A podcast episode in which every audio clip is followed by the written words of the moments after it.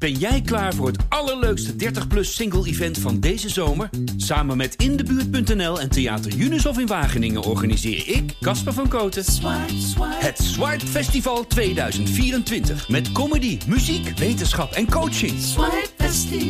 Maar vooral heel veel leuke mensen. Bestel nu je kaart op swipefestival.nl. Swipe, swipe. Hallo, dit is Haags Half Uurtje, de politieke podcast van Trouw. Mijn naam is Christophe Smit. In de lange reeks van allerlei soorten kabinetsexcuses en hersteloperaties stond deze week de kwestie Groningen centraal. De Tweede Kamer kreeg voor het eerst de kans om premier Rutte ter verantwoording te roepen over de zware kritiek die uit de parlementaire enquête over die Groningen-kwestie is gekomen. Hoe verweerde Rutte zich en hoe zit het nou precies met dat nieuwe begin dat het kabinet aan de Groningers heeft beloofd? Ik praat daarover met politieke redacteur Wilfred Scholten, die het debat twee lange dagen heeft gevolgd. Wilfred, hartelijk welkom. Dag Christophe. Hey, hoe ging het er precies aan toe uh, in dat lange debat? Ja, dat is een heel verhaal. Maar uh, de, de hoofdrolspeler zelf, zoals Rutte bijvoorbeeld, die zei: Ik vond het een zwaar debat. Uh, Henk Nijboer, Groningse PvdA-Kamerlid, noemde het een loodzwaar debat. Anderen noemden het intens. Nou ja, dat geeft al een beetje aan dat het best wel een, uh, een heftig debat was. En uh, dat is eigenlijk de kortste samenvatting. Oké, okay. en je hebt het gevolgd, dus was het voor jou ook zwaar? Jazeker, want uh, ja, dat zijn toch twee lange dagen. En niet alles is even interessant wat gezegd wordt. Maar je moet wel blijven opletten. Dat is natuurlijk altijd de kunst van, van zo'n debat volgen. Ja. En dan kijken van ja, wat, wat, is, wat, wat is wezenlijk wat, en wat wil de lezer weten. En kan je een beetje terugblikken op wat precies de politieke spanning was aan het begin van het debat. Wel, welke spanning hing daar nog omheen? Ja, het was een, heel goed rapport dat begin dit jaar werd gepresenteerd in Groningen. Tom van der Lee, dat was de GroenLinks Kamerlid die voorzitter was van de enquêtecommissie. Die kwam met het rapport Groningers boven gas. Um, nou, het was live uitgezonden en je zag ook wel dat dat impact had. Hij uh, had een prachtig verhaal en het deed mensen wat. Dus uh, die spanning hing er sowieso op. En toen ja, qua inhoud werd uh, meteen al gezegd van Rutte heeft ondanks beloftes het verschil niet kunnen maken om te inter interveneren en om te zorgen dat het beter gaat voor de Groningers. En ja, die spanning zat er zeker direct op en uh, dat maakte het de, de, debat ook wel interessant natuurlijk van in hoeverre zal Rutte het echt ook echt zwaar krijgen in het debat. Oké. Okay. Uh, voordat we even verder gaan over dat debat, uh, wilde ik nog even iets meer weten over dat, uh, dat onderzoek. Want dat omspant natuurlijk veel meer dan periode Rutte. Dat omspant 60 jaar gaswinning in Nederland. kun je misschien heel kort nog even samenvatten waar het precies is misgegaan met die gaswinning? Ja, in 63 begonnen ze echt met, met de gaswinning.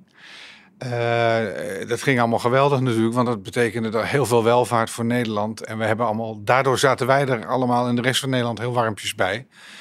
Uh, ja, en daar is het misgegaan dat het op een gegeven moment toch aardbevingen kwamen in het noorden. En dat werd hele lange tijd werd dat gezien als, nou ja, dat valt wel mee en uh, stel je niet aan en uh, is het wel wat. Bevingjes, hè? Bevingjes, ja, precies. En, en eigenlijk niemand had door dat het kon gebeuren. Wat op, op zich ook weer merkelijk, opmerkelijk is, want ja, je denkt ingenieurs weten toch wel als je onder de grond gaat zitten wat er dan gebeurt, maar kennelijk niet. Nou, dat... Uh, dat, dat escaleerde een beetje tot in 2012 in Huizingen een hele grote zware beving kwam. En toen gingen eigenlijk alle alarmbellen af en vanaf toen is het eigenlijk een, een kwestie geworden. En de vraag was, uh, heeft het kabinet daar voldoende eer en op tijd op ingespeeld? Dat was de hamvraag natuurlijk. En ja, wie was al die tijd premier? Dat was Mark Rutte. Ja, want er, er worden steeds een paar sleuteljaren genoemd. Hè. Je had dus die beving 2012. Uh, en in 2013 heeft het kabinet, geloof ik, besloten, of in ieder geval ingestemd met een nog hogere gasproductie. Hoe zit dat? Dat was, ook een, dat was ook een belangrijk punt in het debat eigenlijk. Uh, want wat de Kamerleden wilden weten, hoe, ja, waarom heeft het kabinet dat besloten? Ik bedoel, uh, iedereen wist nu, er, was iets, er is iets aan de hand. En in plaats van te zeggen van nou we gaan dat gas even minderen, hè, die gaswinning, werd er meer uh, uh, gas gewonnen in dat jaar. Ja, en daar ging de discussie over, want uh, volgens Rutte was het niet een actief besluit, maar was het gewoon iets ja, wat, wat eigenlijk economische zaken vanzelfsprekend ging, omdat er een soort tienjarenplan was. Nou ja, goed. Ik ga ook alweer in de techniek. En dat deed Rutte gisteren ook. Waar de Kamerleden echt wanhopig over werden. Van, er werd zelfs twee keer geschorst omdat hij een feitje wellicht niet goed wist. Uh, Klaver zei nou uh, van GroenLinks van kom op, dan maar nu meteen schorsen en uitzoeken.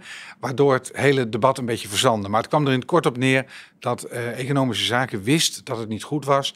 Alleen dat rapport hebben ze niet aan hun minister, minister Kamp van de ook VVD gegeven, waardoor die niet in het kabinet kon zeggen: jongens, hier moeten we niet aan beginnen. Laat staan aan de Kamer. Precies, maar dus, er werden ook wel uh, totaal van onderzoeken gedaan. Uh, nou ja, uh, alles kwam in de techniek terecht, waardoor de Groningers, ja, dat achteraf kun je zien, want de Groningers heel veel leed op hun dak hebben gekregen. Want als ze toen dat niet hadden gedaan, wellicht was er toen veel minder leed ontstaan voor, uh, voor schade en herstel. En in hoeverre kon Rutte uh, plausibel uitleggen dat dat in 2013 inderdaad een beetje buiten de macht van het kabinet lag? Nou ja, dat, dat werd, helemaal niet geloofd. De, dus hadden zoiets van, uh, ja, volgens mij had je het kunnen weten en dergelijke. Dus dat, dat liep een beetje vast in, in, in de modder van van wel eens niet dus. En dat, dat was niet echt uh, verheffend en zo. Dus dat heeft heel lang geduurd ook in het debat.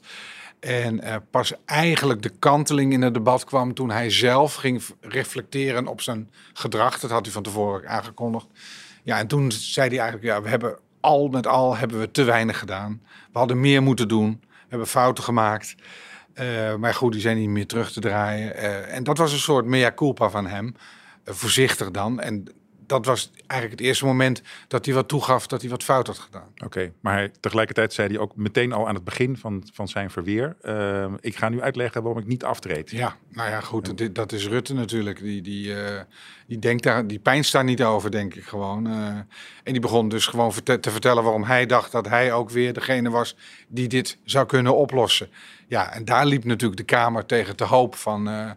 Uh, ja, ik vertrouw je niet meer. Uh, hij had bijvoorbeeld gezegd van in 2018, dus, dus, dus vijf jaar na de beslissing om het, uh, de gaswinning om een hoge pijl te brengen, dat hij zei, ja, pas toen besefte ik, na een interview gelezen te hebben met de inspecteur-generaal van de mijnbouw, toen dacht ik van ja, het is toch wel heel, heel heftig. Hè? De ernst zag hij er toen pas van in. In de zin van dat het weer een maatschappelijke ophef gaf. Want daarvoor, een jaar daarvoor, had hij in de studio van Jinek en Paul... had hij uh, opeens woedende Groningers tegenover zich. Dat wist hij niet. En toen moest hij ook weer beloven, ik ga er wat aan doen. En telkens komt, het, die, komt dat terug van... Uh, Rutte belooft iets van, ik ga wat doen, ik ga er bovenop zitten... ik ga nu mijn staatssecretarissen helpen...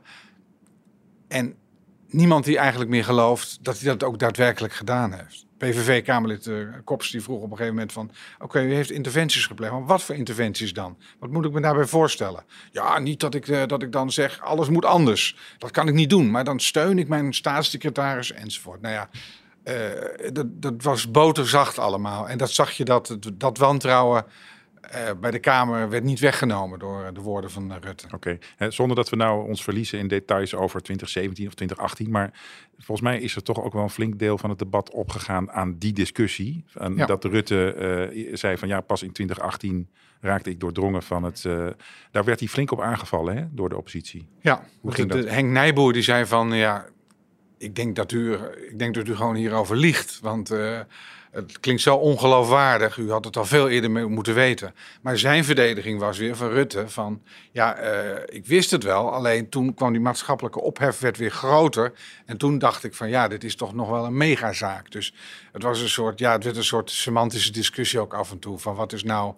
Uh, ja, wat, wat bedoelde ik daar nou mee van de, de ernst van de situatie? Dus ja, al met al, uh, die arme Groningers allemaal op de tribune, die moesten dit allemaal ondergaan. Het duurde uren. Uh, en iedereen probeerde weer iets te ontlokken aan Rutte. Maar ja, die, die, gaf geen krimp in feite.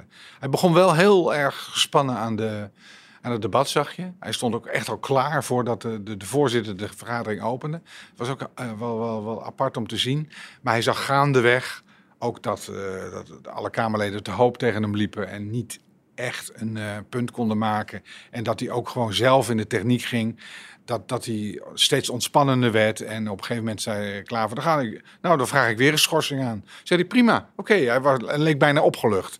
Dus ja, dat is echt, Rutte die, die wordt gaande zo'n debat, wordt hij eigenlijk zelfverzekerder en wordt hij ook rustiger. Want dan denkt hij, ja, mij kan eigenlijk niks gebeuren. Nee. Nou, dan had de oppositie daar natuurlijk van tevoren waarschijnlijk anders over gedacht. Uh, die, het was natuurlijk al duidelijk dat die hem flink gingen aanvallen. Hadden zij een soort gezamenlijk aanvalsplan, oppositiepartijen? Nou ja, dat weet ik niet of ze gezamenlijk Ze, ze zaten er gezamenlijk in zo. Want op een gegeven moment hadden ze dus bedacht van een motie van wantrouwen. En dat werd in de wandelgangen nog wel even bediscussieerd. Dus hè, wie zou het indienen en wie niet en zo. Ik ben er toen zelf ook achteraan gegaan. Dus ook een, uh, een plekje in de Kamergebouw waar, uh, waar ze illegaal uh, buiten even een sigaretje roken. En dan weet je dat de bepaalde Kamerleden daar staan. Dus dan probeer je uit te vissen van wie gaat dat dan doen. Nou, toen wisten ze het nog niet helemaal. Dus er zat niet heel echt een plan achter.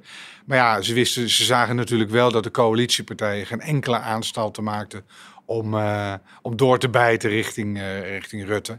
Uh, Mirjam Bikker bijvoorbeeld van de ChristenUnie, de nieuwe leider van de ChristenUnie, die, die wilde vooral weten van...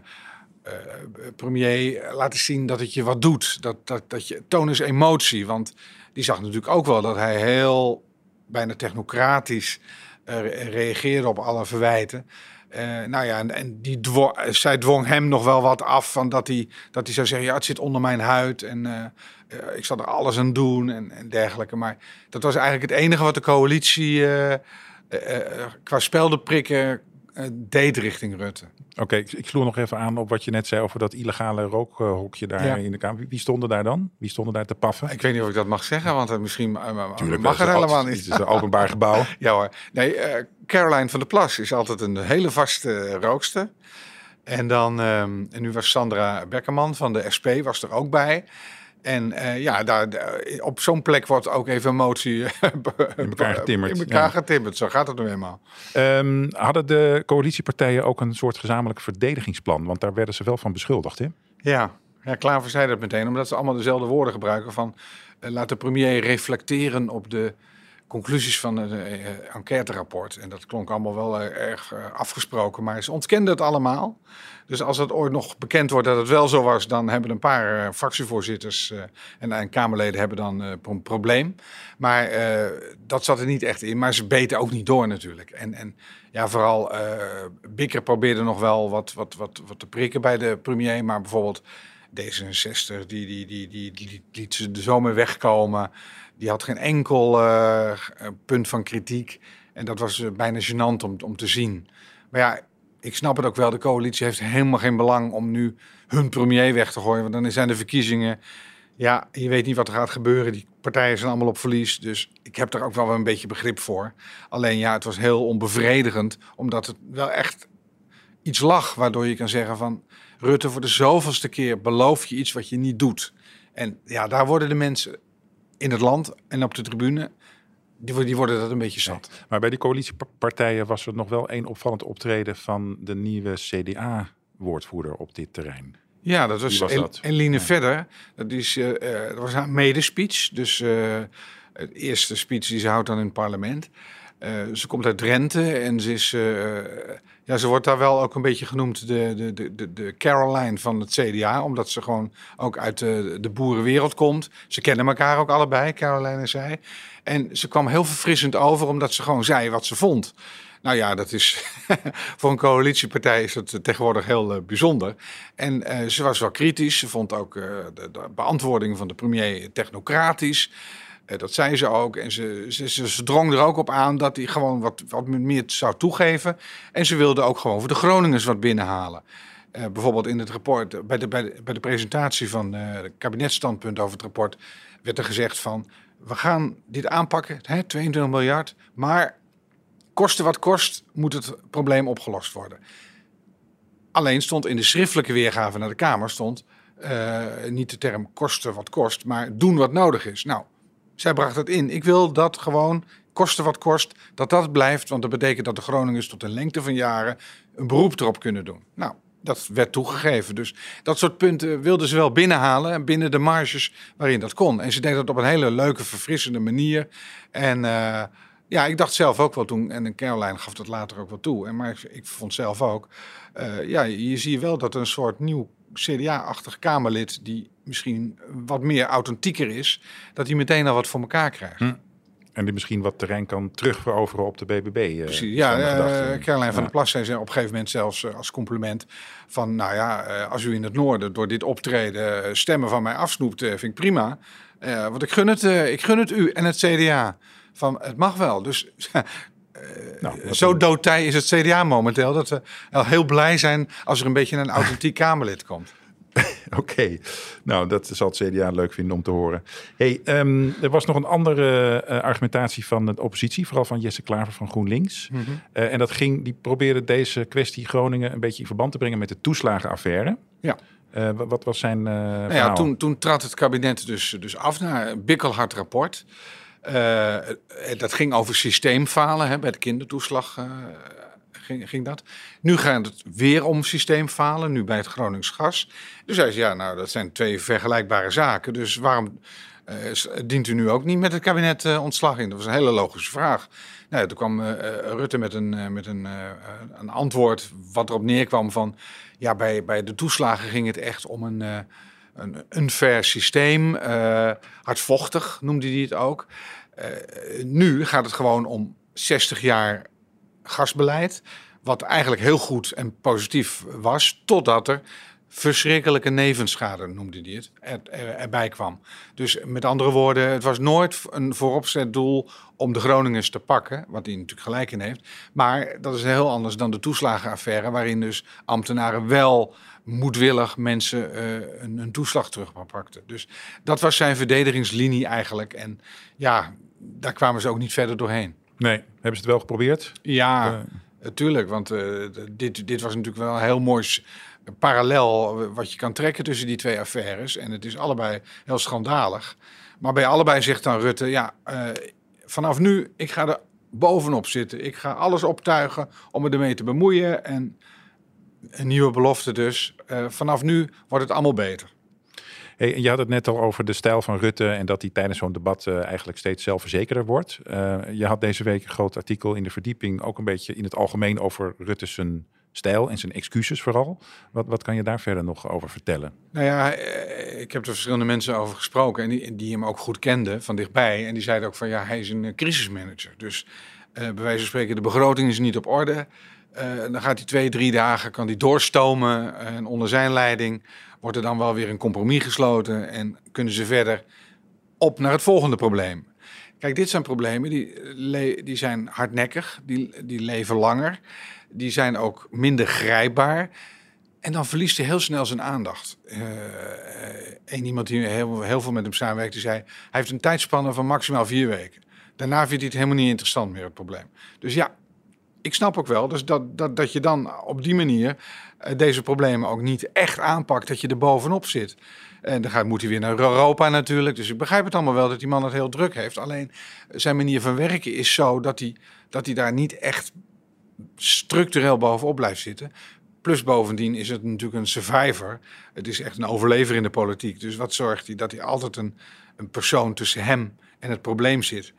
Zo'n staatssecretaris, een arme staatssecretaris, ja, daar kan hij altijd dan nog verwijzen van, ja, dat is zijn pakje Jan. Ik help wel, maar ik kan het niet overnemen van hem. Dat is ook gewoon natuurlijk een hele. Het is feitelijk zo, maar het is natuurlijk ook een heel mooie excuus om uh, op, op een gegeven moment te zeggen: meer kon ik ook niet doen als premier. Uh, dus ja, en wat hij echt achter de schermen doet, hij zegt er wel eens: uh, ja, daar kan ik niet al te stoer over doen hoor, wat ik allemaal doe. Maar ja, we weten ook niet wat hij dan wel doet wat, wat, tenminste wat mij vaak stoort, dan heb je zo'n zo'n moeilijk debat met uh, moeilijke onderwerpen. En de volgende dag zit hij bij de jongens van uh, uh, VI, hè, Johan Derks en alles. En er is de getapte premier en dan allemaal geweldig en geen enkel probleem. Hij lijkt nergens aan te lijden, laat ik het zo zeggen. Alles glijdt van hem af. En dat, dat gaat nu, dat was in het begin verfrissend. En dat gaat nu denk ik gewoon tegen hem werken. Dus dat blijft elke keer van, ja, wat doet het hem echt werkelijk, die problemen van de mensen? En, en ja, daar krijg je geen vinger achter, maar dat, is, dat blijft de Achilleshiel van hem. Ja. Een bekende uitspraak van hemzelf is ook van, ja, ik ben minister van algemene zaken en niet van alle zaken. Hè? Ja, nou ja, dat zegt al genoeg. Uh, je zei net staatssecretaris. Uh, in dit geval gaat het dan over Hans Veilbrief van Mijnbouw. Die heeft heel veel met Groningen te maken. Uh, hoe deed hij het in het debat? Ja, dat was uh, echt een contrast. Dat benoemde Kamerleden ook. Dat was ook pijnlijk voor Rutte. Maar Ja, dat is, ja ik, ik noem het mezelf een soort vriendelijke oom die daar zit. Uh, hij praat niet politiek correct of dergelijke. Hij praat gewoon babbelt alsof hij tegenover je zit. Uh, hij belooft de Kamer, nou dat en dat ga ik aanpakken. Het is een concreet probleem. Uh, bijvoorbeeld 40.000 euro krijgen nu Groningers die een probleem hebben met een uh, schade. Uh, waar ze geen bonnetjes voor hoeven in te leveren. En hij zegt, ik probeer dat toch op te, op te trekken naar 60.000. Want dan betekent dat 99% van de schadegevallen eigenlijk gedekt worden. Dus dan hoef je niet meer dat hele bureaucratische proces in. Nou ja, dat soort pragmatische oplossingen. Uh, door een man die, die op handen gedragen wordt. Ja, dan zie je toch het verschil in met, Rutte. Hij gaat natuurlijk ook af en toe naar Groningen. Hij praat met allerlei mensen, met bestuurders, met bewoners. Heel open, transparant is hij. Uh, in die zin is een echte D66er zoals alle D66'ers zouden moeten zijn bijna. Want die, hè, die willen meer, uh, meer invloed van, de, van het volk. Nou, dat, dat, dat, dat straalt hij ook helemaal uit. En daardoor heeft hij ontzettend veel vertrouwen bij de Groningers, maar ook in de Kamer. En dat is toch een heel contrast met zo'n uh, zo'n zo'n zo'n Rutte die daar daarnaast zit. Ja, maar is dat dan tegelijk inderdaad, uh, wat je net al zei, uh, een soort verdedigingsschild van, van Rutte? Dat hij die vuilbrief voor zich had van, ja, hem moet je hebben en hij weet het. De vuilbrief is er gewoon. Ja. En da, die heeft zich eigenlijk ontpopt tot zo iemand. Daarvoor was het ook gewoon maar een ambtenaar die de politiek in kwam. En die, uh, ja, vorige keer deed hij de toeslagen en toen maakte hij die minder indruk. Maar nu heeft hij zich echt de problemen eigen gemaakt. En bij de presentatie van de kabinetsreactie was er ook al een een emotionele snik, omdat hij, dat hij, hij noemde de namen van mensen met wie hij gesproken had. En dat deed hem ook echt wat. En ja, uh, ik kan me niet voorstellen dat het gespeeld is, maar dan zie je een politicus van, van, van, van lijf en leden die gewoon laat zien dat het hem wat doet. Ja, misschien uh, moet, moet Rutte ook eens een snik laten zien. Uh, maar het moet natuurlijk wel geloofwaardig zijn. Ja. Um, Veilbrief is vaak in Groningen geweest. Uh, er waren deze week veel Groningers ook in Den Haag. Uh, om bij dat debat mm -hmm. te zijn en ook om stra op straat uh, te demonstreren. Hoe hebben zij uh, dat debat beleefd? Nou, vanmorgen stond Dagblad van het Noorden. De opening van de krant was, was fotootjes van mensen die op de tribune hadden gezeten. En ja, die waren nogal negatief. Mensen die zeiden van dom dat ik toch nog een sprankje hoop had. En ja, het moet toch echt menselijker. En dat miste ik vanochtend meteen al bij, bij Rutte. Dus, dus dat soort uitspraken van Groningers die op die tribune zaten. En die, die hebben daar soms al twee dagen gezeten, gingen met de bus ook heen en weer. Ja, dat, dat, dat zegt wel wat. Want zo'n enquête is natuurlijk ook bedoeld als een soort helingsproces van. Uh, Groningen, uh, we nemen je problemen serieus en we gaan er nu wat aan doen. En als ze dan het idee hebben dat de premier ja, eigenlijk uh, om Sandra Becker te citeren. Beckerman, hè? Beckerman. sorry, ja. sorry, Sandra Beckerman te citeren. Uh, het kan hem geen reet schelen. Dat zij niet echt parlementaire nee. taalgebruik. Maar het gaf wel ongeveer aan hoe, hoeveel men, heel veel mensen er zo over denken. Dus dat is ja, dan, dan, dan schiet je bijna het doel voorbij.